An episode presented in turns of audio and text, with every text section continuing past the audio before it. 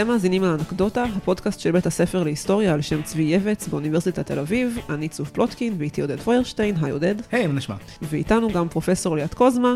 אה, ליאת היא, אני חושבת, גם האורחת הראשונה שלנו מחוץ לאוניברסיטה, אני אגלה לכם מאיפה היא מגיעה.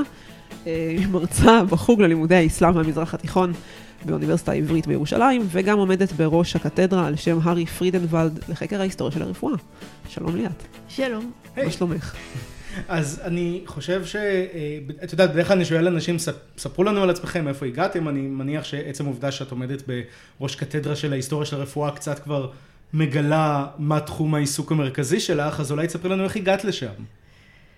אוקיי, okay, אז uh, התחלתי כאן, באוניברסיטת תל אביב, uh, תואר ראשון, שני, תואר שני עסקתי בהיסטוריה של תנועת הנשים המרוקאית, ואז נסעתי ל-NYU. ושם כתבתי דוקטורט על אה, נשים בשוליים במצרים הטרום-קולוניאלית, מצרים החדיבית, וישבתי בארכיון המצרי, ועל זה אני אדבר בהמשך, על אה, רשומות של משטרה ובתי משפט, וקצת גם בתי דין שרעיים. דרך זה כתבתי גם על התפקיד של רופאות אה, בתחנות המשטרה, בחקירות פורנזיות, וזה היה בעצם הממשק הראשון שלי עם היסטוריה של רפואה. המשכתי עם נשים בשוליים, הספר השני שלי עסק בהיסטוריה של אה, זנות וסחר בנשים mm-hmm. במזרח התיכון בין מלחמות עולם, וגם פה, כשכותבים על זנות, כותבים גם על רופאים ועל אה, טיפול במחלות מין, וגם על, על האידיאולוגיה שקושרת בין, אה, בין זנות למחלה. וסקרן אותי דרך העבודה הזאת כיצד הרופאים שמגיעים ממקומות שונים ועובדים על אוכלוסיות שונות חושבים דומה וחושבים שונה וכך הגעתי להיסטוריה של רפואה. זאת אומרת השוויתי בספר בין רופאים מצרים לבין רופאים צרפתים בצפון אפריקה ואז הגעתי לשאלות האלה. אני, יש לי עכשיו, אה, אני סוגרת שנה חמישית בפרויקט שממומן על ידי האיחוד האירופי בהיסטוריה של רפואה, היסטוריה אזורית של רפואה mm-hmm. במזרח התיכון. מעניין אותי דווקא לחזור רגע אחורה, אמרת שאת uh, בעצם התחלת מלחקור נשים בשוליים, או בעצם קבוצות שוליים. Mm-hmm. מעניין אותי לדעת מה משך אותך לחקור דווקא דברים כאלה שהם נחשבים אולי במחקר, אולי יותר, uh, איך להגיד את זה, נידחים או פחות נחקרים. אני חושבת שזה הגיע מ... מהמנחה שלי ומהמקורות שהוא הביא לנו, אז... Uh... בשנה הראשונה שלי באוניברסיטה לקחנו קורס קריאת מקורות, הוא הביא לנו מקורות מהארכיון המצרי, mm. וזה היה, אה, זה היה נורא נורא מדליק, זה היה נורא מגניב שאפשר דרך, אה, שאפשר להגיע כל כך קרוב לסיפורים של אנשים פשוטים. וזהו, קראנו, אני יודעת מה, עשרה מקרים, mm-hmm. כתב יד, אה, ערבית שהיא לא בדיוק ערבית של היום, ורציתי עוד. אה, אז, כן. אז חלק מהסיפור היה, כמובן, התחלתי כהיסטוריונית של תנועות נשים, אז עניין אותי לעסוק בנשים, וה, והעובדה שהנשים מהשוליים החברתיים מגיע, מגיעות לתחנת המשטרה, והן אלה שמגיעות לתחנת המשטרה. נשים אה, אה, מהמעמדות הגבוהים פחות הסתמכו עם mm. החוק. אז אה, זה מה שמשך אותי להגיע ל... לסוג הזה של חומרים. וזה משהו שמופיע עכשיו גם במחקרים הנוחים שלך, שהיא כלומר, אם הבנתי נכון, יותר מתמקדים בתחום הרפואי. כן. עדיין יש איזושהי השקה לקבוצות שוליים, לנשים, או שעברת להסתכל בעיקר על הרופאים? היום אני מסתכלת יותר על הרופאים, mm. על ההשכלה שלהם, על התנועה שלהם במרחב, ופחות על קבוצות שוליים. אולי אני עוד אחזור לזה, mm. אבל כרגע פחות.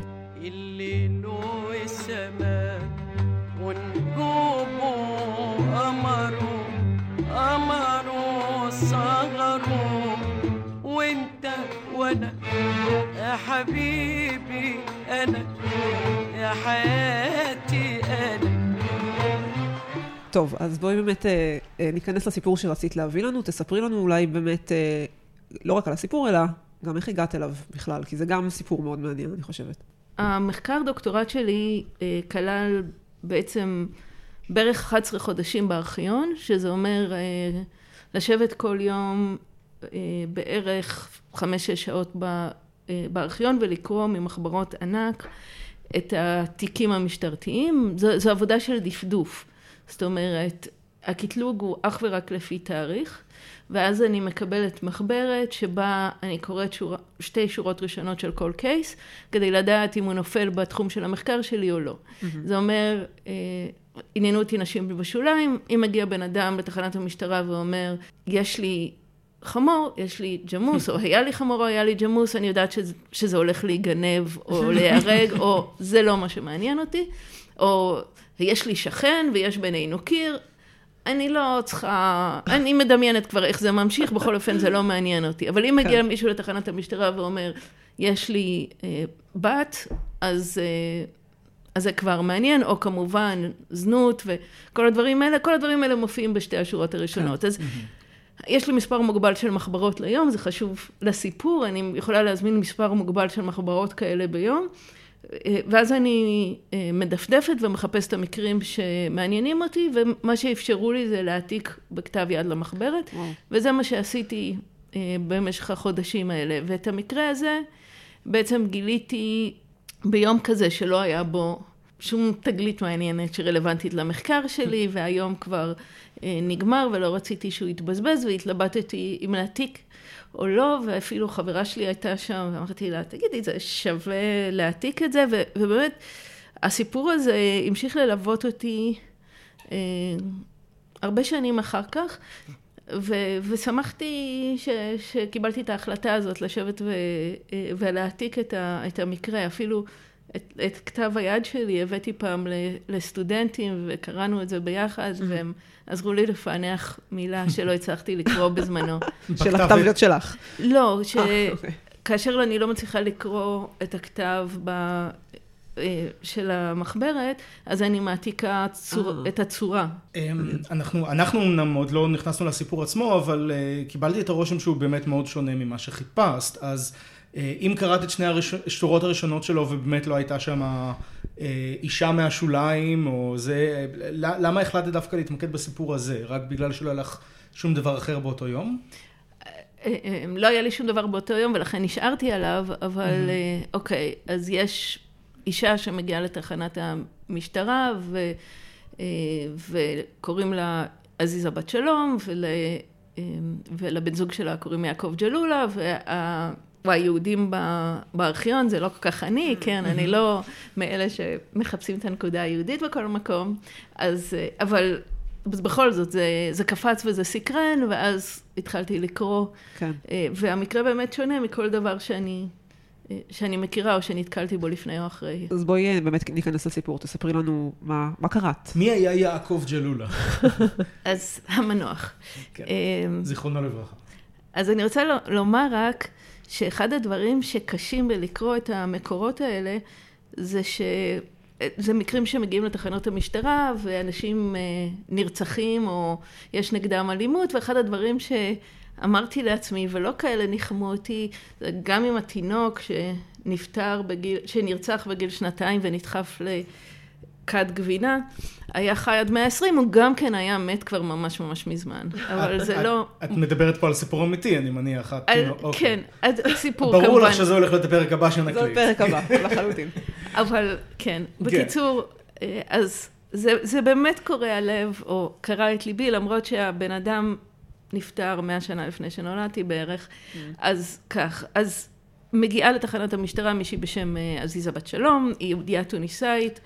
היא גרה הרבה שנים אה, באלכסנדריה, והיא מספרת שהיא הגיעה הביתה, הדלת הייתה נעולה, היא קראה לנגר ששבר את הדלת, היא, היא נכנסת פנימה והיא מוצאת את אה, בעלה יעקב ז'לולה על הרצפה עם אקדח נח על הכרית. אה, על השולחן היא מוצאת שני מכתבים בעברית ושני מכתבים בצרפתית. הצרפתית מיועדים לנושים של אותו יעקב ג'לולה. אחד המכתבים בעברית מיועד לה, ואחד למישהו בשם אה, מיסיה סממה, mm-hmm. חברו של אה, יעקב עוד, עוד מתוניסיה. המשטרה נכנסת לסיפור הזה בגלל שזה מוות לא טבעי, והיא צריכה לחקור אם מדובר ברצח. ומכיוון שאיש בתחנת המשטרה לא קורא עברית, המכתב מתורגם, לא כתוב מי מתרגם, mm-hmm. לצרפתית. ואז בתחנת המשטרה יש מישהו שיכול לתרגם מצרפתית לערבית, וזה בעצם הטקסט אה, של המכתב שקראתי. כן. עכשיו, המכתבים לנושים הוא בעצם אה, אומר להם כמה הוא יכול להחזיר להם. אה, המכתב של לסממה אומר, אה, סליחה, אמרתי את זה במבטא צרפתי, סממה אני מניחה. אה, המכתב לסממה אומר, תדאג לאשתי, תדאג להסדיר את החובות וכולי. במכתב לאשתו, שהוא פשוט מכתב מאוד עוצמתי, גם כשהוא עובר כמה שפות. אז הוא, הוא כותב, ואנחנו הגענו לאלכסנדריה לפני 13 שנה, וכדי לשפר את המצב הכלכלי שלנו, אבל, הכלכ... אבל העסקים לא הצליחו, גם ברכות הרבנים לא הועילו, אולי מפני שלא הקפדתי מספיק בקיום המצוות. כל יום נהיה גרוע מקודמו, הוא כותב, ואיבדתי כל תקווה. הוא, הוא מבקש ממנה סליחה על כך שהוא עוזב ועל הקשיים שהוא מסב לה בעקבות זאת, ומבקש בה לפתוח באל. הוא נותן לה רשות לשאת גבר אחר, אם אחיו אה, יסרב לשאת אותה. Mm-hmm. והוא מסיים והוא אומר, את לא צריכה לדאוג לעצמך יותר, כי אני דואג לך מלמעלה, גם אם אני כבר לא בין החיים.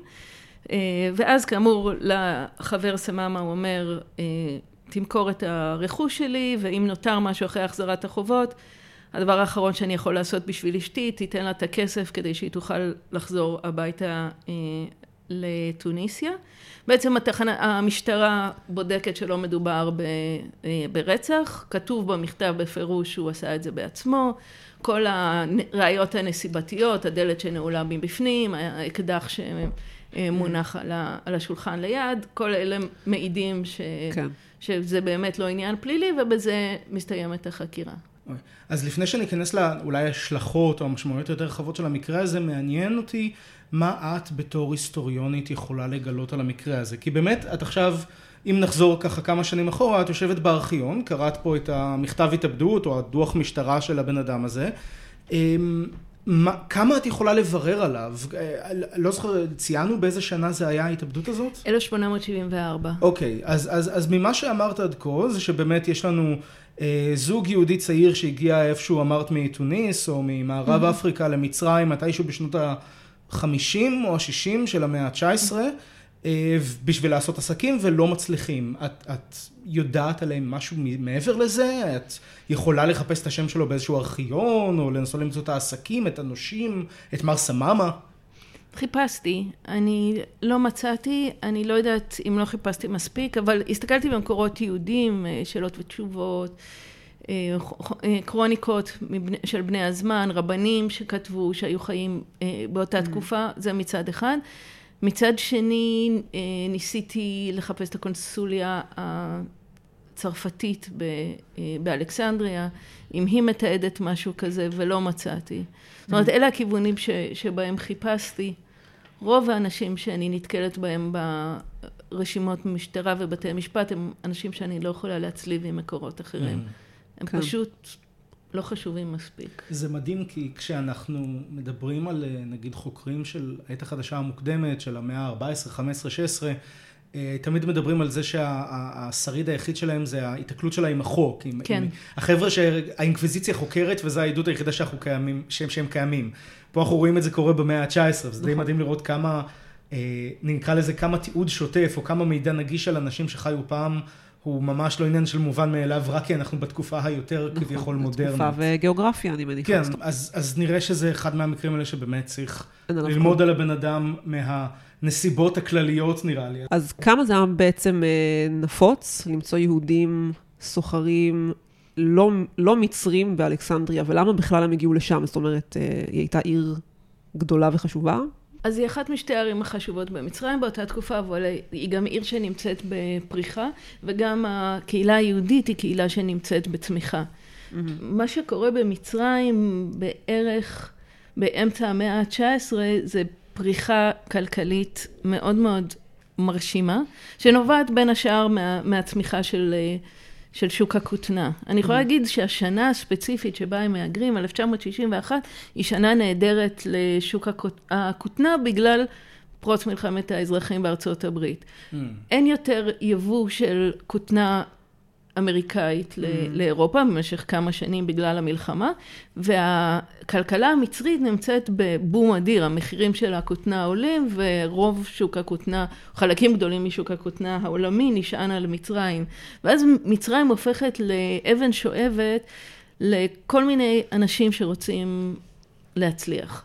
וכל מיני אנשים שרוצים להצליח, כולל גם אה, בעיקר דרום אירופאים, אה, יוונים, איטלקים, מלטזים, אותם אנחנו מוצאים הרבה אה, בארכיונים, וגם יהודים מחלקים אחרים של האימפריה העות'מאנית ו, ומצפון אפריקה. Mm-hmm. זאת אומרת, הקהילה היהודית ערב הבום הזה היא כמה אלפים, בתחילת המאה ה-20 כבר היו כמה עשרות אלפים mm-hmm. שמהגרים, כאמור, מכל מיני חלקים של האימפריה העות'מאנית ומתיישבים שם.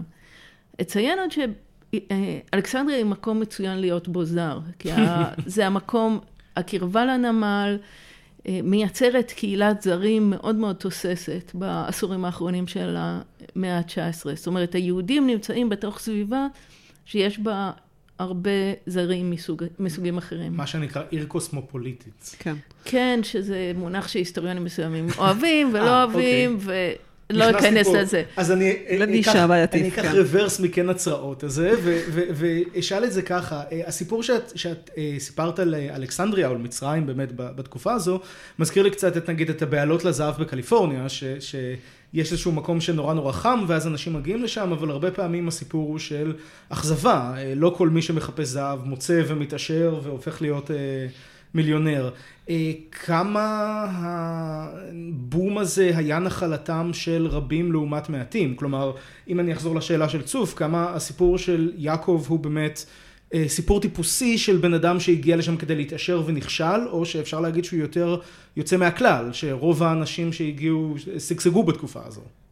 אז אנחנו יודעים מה שהארכיונים מספרים לנו ומה שהמקורות מספרים לנו, והמקורות מספרים לנו את מצרים של התקופה הזאת כסיפור הצלחה עבור זרים שמהגרים. זאת אומרת, mm. האנשים שנופלים אה, אני, אין לי שום דרך לדעת אם הם מיעוט או רוב, אלא, נכון. אה, אלא לנחש שיש הרבה אנשים כמוהו ש, שלא כל כך הלך להם. ומי שכותב על זה קצת זה וויל הנדלי, שמדבר על הקהילות הזרות, האיטלקיות, יווניות, מלטזיות, שמגיעות שחלקם, חלק מהאנשים שם הם באמת אנשים פשוטים. אני מכירה את זה מזווית אחרת, מהמחקר שלי על סחר בסמים וסחר בנשים. שחלק מהשגשוג הזה הוא גם שגשוג כזה, הוא שגשוג של, אה, אה, של כלכלה שחורה, של, אה, של זנות וסמים, שהאלדורדו הזה מאפשר. סיפרת שהוא כותב מכתבים בשתי שפות שונות, שאותי זה נורא עניין, כי מעניין אותי, הוא בעצם הוא כותב לאשתו בעברית, נכון? ולחבר שלו גם בעברית, כן. שהוא גם יהודי, ולנושים שלו בצרפתית. יהודים דיברו בערבית או בצרפתית, ומה גורם לו בכלל לעשות את ההבחנה הזאת בין לכתוב אה, אה, לאשתו בעברית, לחבר בעברית? זו שאלה שאין לי תשובה עליה. זאת אומרת, אם היה לנו גוף ידע על אנשים פשוטים כמו יעקב ג'לולה, אז היינו יכולים לדעת, למשל, אותי יותר סקרן ממה שאת שואלת, סקרן אותי איך אשתו יודעת לקרוא עברית. נכון. זאת אומרת, כי ידיעת קרוא וכתוב אצל נשים הייתה אפילו יותר נמוכה מאשר אצל גברים. המיעוט, הוא יודע קרוא וכתוב. האם הוא למד בבית ספר של אליאנס, בתי ספר של mm-hmm. אליאנס נכנסים לצפון אפריקה בשנים האלה, אז אולי משם הוא יודע צרפתית. אין לי מושג. אבל כן אפשר להגיד שעצם הקיום של עברית וצרפתית במרחב דובר ערבית מעיד באמת על איזושהי שוב, אמרתי קודם אה, קוסמופוליטיות ואמרת לי, זה מונח בעייתי, אני תוהה אם אה, רב תרבותיות או רב לשוניות זה מונחים יותר אה, מקובלים בהקשר הזה. אז רב לשוניות, שזה המונח הכי ניטרלי ונשים אותו כאן, okay. אוקיי. זה, זה משהו שמאוד מאוד מאפיין את, את אלכסנדריה בשנים האלה, ובאמת בעיקר, כאילו, גם יהודים, אבל גם אחרים זזים בין שפות. Mm-hmm. זאת אומרת, צרפתית הרבה פעמים זה המדיום שמקשר ביניהם. הלינגואה פרנקה? של, כן, של הקהילות הזרות האחרות. ו- אבל גם אה, איטלקית מדוברת על ידי אנשים שאינם איטלקים. זאת אומרת, זה כן. משהו, כי המלטזים, יש להם זיקה לאיטלקית, האיטלקים מדברים איטלקית, היוונים מסתגלים וקצת לומדים איטלקית. אה, והרבה בדיחות או, או ספרות, זיכרונות, שמדברים על אלכסנדריה של סוף המאה ה-19 ותחילת המאה ה-20, מדברים על קוד סוויצ'ינג, mm-hmm. על כאילו, על אנשים שבאותו משפט יכולים להכניס כמה שפות. ומה המקום של ערבית בכל הסיפור הזה? אז קודם כל, אנחנו לא מאוד יודעים, אבל רוב האוכלוסייה של אלכסנדריה בשנים האלה היא עדיין ערבית. הקהילות הזרות הן איזושהי מובלעת. ואז השאלה היא האם הם מתקשרים איתם בערבית או אם מתקשרים איתם בשפה אחרת. וההנחה היא שאנשים כאלה, כמו יעקב ג'לולה, ואפשר לחשוב על אה, אה, שענים יוונים, לא יודעת למה שענים הפכו להיות מין אה, סמן כזה של הקהילה היוונית, אבל שענים יוונים שצריכים לעבוד עם לקוחות, אז הם בוודאי למדו קצת ערבית, אבל הקהילה של מעמד ביניים ומעלה לא, לא טרחה. אפרופו שענים וזה, אמ, אנחנו יודעים מה היה המקצוע של אותו אדון ג'לולה? מה, ב, ב, למה הוא נכנס לחובות? אמ, מה... לא. שום דבר. לא. אין שום דרך לדעת. אפילו לא כתוב בדוחות, כלומר הייתי מצפה אני, אני מודה שאני יודע מעט מאוד על כוח המשטרה באלכסנדריה בשנות, בשנות ה-60 וה-70 של המאה ה-19, אבל, אבל אה, צריך איזשהו תיעוד של אה, המקרה, כלומר, מעבר לאישה מגיעה ואומרת שבעלה התאבד. בטח היה כתוב סוחר. כן, ככה פשוט כתוב יהודי סוחר? זה? אני אגיד כך, מה שיש לנו, אוקיי, זו אמירה על המקורות ועל התיווך שלהם. מה שאנחנו מקבלים, או המחברות הענקיות האלה שעבדתי עליהן, הם סיכום של משהו שהיה קיים קודם לכן. זאת אומרת, mm. יכול להיות שלמשטרה היו מחברות משלה עם טיוטות, שאחרי זה הפכו להיות לסיכום שאני mm. מקבלת. כי מה שאני מקבלת זה הסיכום שתחנת המשטרה שולחת mm. למערכת המשפטית. זה עיבוד של עיבוד של עיבוד. לגמרי. כן. כן. ואז יכול להיות שב... אה, זאת אומרת, זה, איזושהי, זה איזשהו זיקוק. אה, ויכול להיות שבגרסאות הקודמות היה יותר, אין לנו. את, ה, את הדבר הזה. את יכולה אולי להסיק, אני יודע שזה עניין מאוד, אה, אה, נקרא לזה זהיר ומסוכן לעשות, אבל את יכולה להסיק בהתבסס על אה, סוג הבן אדם שהוא היה, מי היו בדרך כלל האנשים שמגיעים מתוניס ומרוקו, במה יהודים עסקו, קודם אמרת שיוונים היו שונים, יהודים היו מה? אני לא יודעת. אולי הוא הגיע בבעלת הכותנה. יכול להיות. יש שם עניין מעניין במכתב שהוא כותב בעצם לחבר שלו, שהוא אומר לו, תדאג בעצם, בעצם לאשתי. וברור שנשים היו, גם, גם דיברת קודם על העניין שבכלל, איך, איך היא בכלל ידעה לכתוב, אה, לקרוא, אה, וברור שהיא לא הייתה עצמאית כלכלית ו, והייתה תלויה בגברים בעצם. יש לך איזושהי השערה ללמה אלה דווקא האנשים שהוא בוחר לכתוב להם? האם זה היה רק עניין כלכלי ולדאוג לאישה, או משהו מעבר? תראה, הוא, עד כמה שאני מבינה, הוא ידע מבחינתו יש מפסיד אחד למעשה שלו, שזו אשתו. אשתו, כן. ו... ועל זה הוא צריך לכפר ולה הוא צריך לדאוג. Mm-hmm. אני מניחה שהיא עצמה לא הייתה יודעת מה לעשות עם, ה... עם הכסף. למכור את החפצים ולהחזיר אותם לנושים, מסי סממה היה, היה אמור להיות אחראי לזה. Mm-hmm.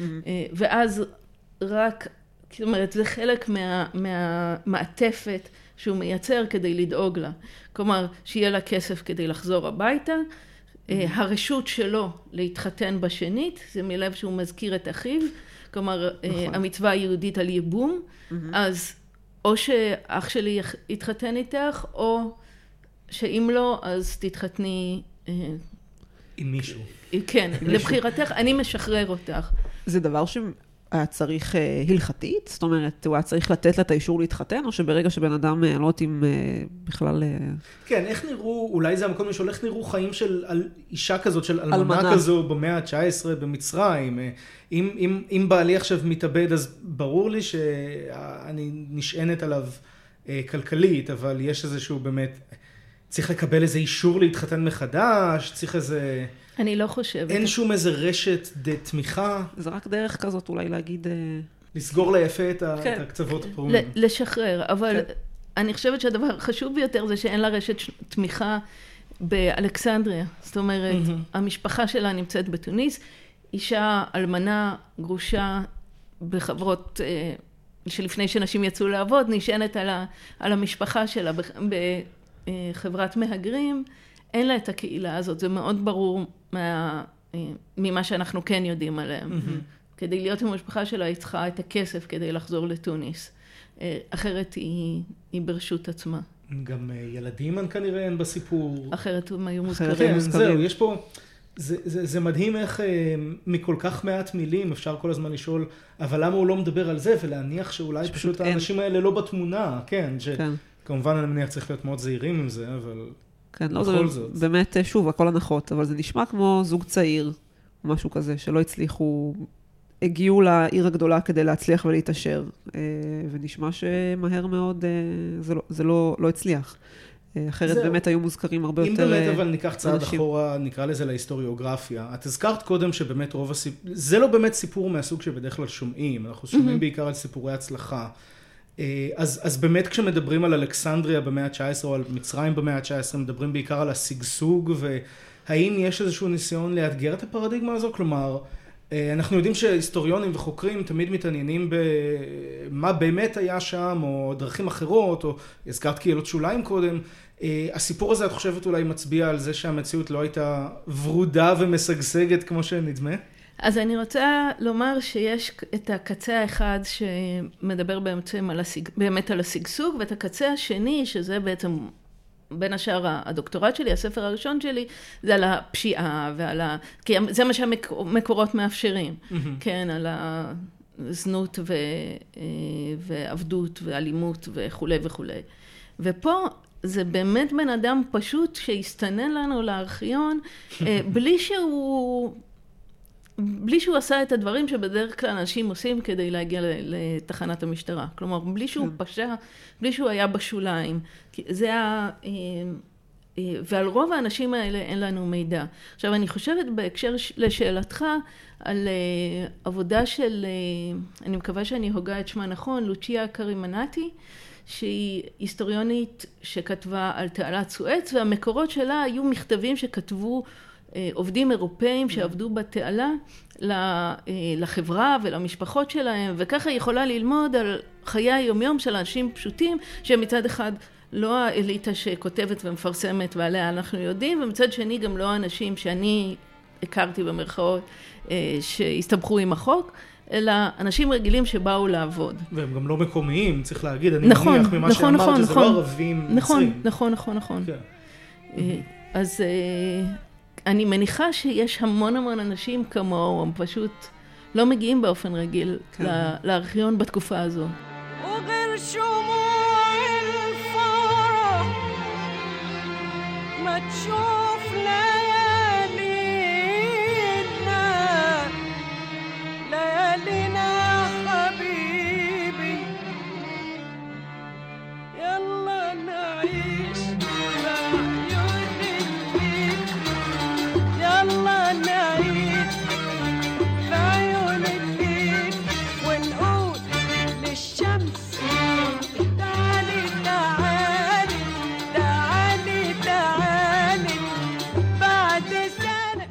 נתקלת בעוד אה, מקרים כאלה של התאבדויות? זאת אומרת, בארכיון הזה? לא, יכול להיות כי לא חיפשתי. Mm-hmm. זאת אומרת, פה השם שלו, הסוג יום שהיה לי, אה, עיכבו אותי על, ה, על המקרה, אבל אני לא מכירה דברים כאלה. Mm-hmm. כן, זה גם צריך להגיד אה, רחוק מאוד מכל ה... עיסוק שלך, כלומר זה סוג של מתחבר ל, ל, לדיון שלך בקבוצות שוליים, אם כי כמו שאמרת בעצמך, הוא לא היה פושע, הוא לא היה גנב, הוא לא היה רוצח, אה, ועל אחת כמה וכמה זה לא מתחבר לדיון הנוכחי שלך בהיסטוריה של רפואה, כן? כן. אה, זה באמת outlier אה, של אאוטליירים, שזה אולי באמת המקום לש, לשאול, האם למדת משהו מהסיפור הזה שכן מתחבר לדברים שאת כן עוסקת בהם ביום יום, של היסטוריה של רפואה ו- וכל הדברים האלה שהם קצת יותר ה- הלחם והחמאה שלך.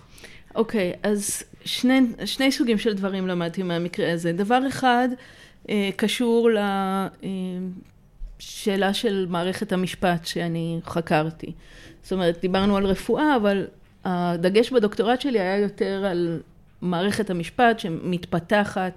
במצרים באותה תקופה, תחנות המשטרה, מערכת בתי המשפט. כל הבירוקרטיה הזאת. כל, כן. כל הבירוקרטיה הזאת, ואחת השאלות שסקרנו אותי זה למה, למה זה מעניין ולמה זה בכלל מגיע לכתובים. וזה מגיע כן. לכתובים בגלל שתחנת המשטרה כל כך נוכחת במרחב העירוני, והתיעוד כל כך נוכח במערכת הבירוקרטית הזאת. זאת אומרת, חשוב להם לתעד, אפילו שהשורה התחתונה, אין לנו מה לעשות עם זה. להגיד. אין פה פשע, mm-hmm. אין פה משהו אה, שכאילו צריך לחפש אשימים, אנחנו סוגרים את התיק ולהתראות. זה דבר שהיסטורית פחות היה מגיע לכתובים, ועצם הנוכחות של המקרה אה, בארכיון היה אה, ממש מהמם בעיניי. זאת אומרת, העיר לי את, את מה חשוב למערכת הזאת באותה תקופה. זה דבר אחד. דבר שני, וזה המאמר שנתתי לכם, ששלחתי לכם, זה הביא אותי לכל מיני מחשבות על, אה, על ארכיונים בכלל. Mm.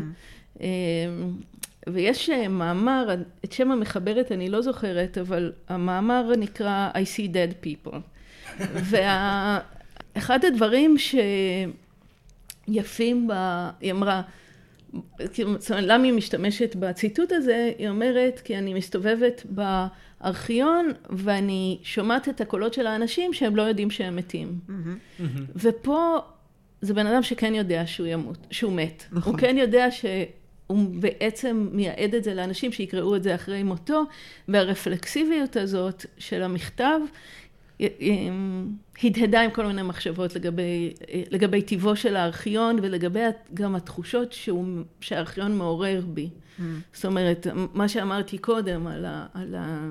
התחלתי את המחקר לדוקטורט אה, כשהייתי בהיריון, וקראתי את המקרים על, ה, על הילדים שנרצחים, mm-hmm. ולכן כאילו אמרתי, בהתחלה אמרתי, כן, אני אכתוב על נשים וילדים, אבל ילדים לא מגיעים לתחנת המשטרה כי הם חמודים.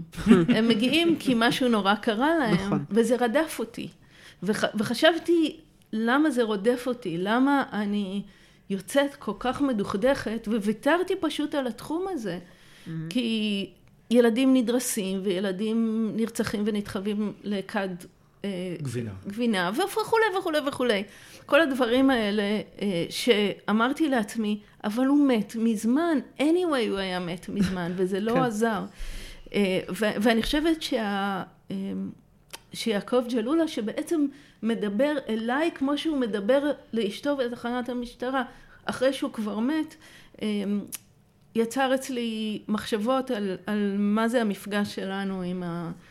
עם הארכיון ועם ה, עם, עם התיעוד שלו. הרי התיעוד הוא, שאני קוראת בתחנת המשטרה, הוא תיאור אגבי, של, שלא נועד אליי, הוא נועד אל הדרגות הגבוהות יותר של ה, במערך המש, המשפטי. נכון. אה, ואז התיאור המקרה מיועד לשרת את המטרה הזאת, ולכן כשאני קוראת את המקרה אני מפענחת גם את, ה, אה, את המערך המשפטי וגם את הסיפור התהליך, עצמו. נכון. אה, אבל כאן יש משהו אחר, בגלל שהוא כן יודע שהוא כבר מת. נכון. זה שינה את הדרך שבה את חושבת, אבל על... כי הזכרת עכשיו אה, את מין דיכוטומיה כזו בין בן אדם שיודע שהוא הולך למות, וכל מיני סיפורים נוראים על ילדים. אז כשאת, כשאת סתם קוראת סיפורים על אנשים שהם, נקרא לזה לא מקרים נוראיים, זה, זה גם קצת שינה את ההבנה שלך של איך לקרוא על אנשים, כמו שאמרת, שלא יודעים שהם מתים? אה, אז אני, אני חושבת שזה יצר אצלי קצת יותר רפלקסיביות לגבי, לגבי רגש ולגבי mm. התפקיד שלו ב, אה, בקריאה של, ה, אה, של המקורות. זאת אומרת, אני הצגתי איזה מקרה בכנס באוניברסיטת בן גוריון של נערה שנאנסה ומסבירה במכתב שלה לבית המשפט למה זה אונס ולמה היא לא הסכימה.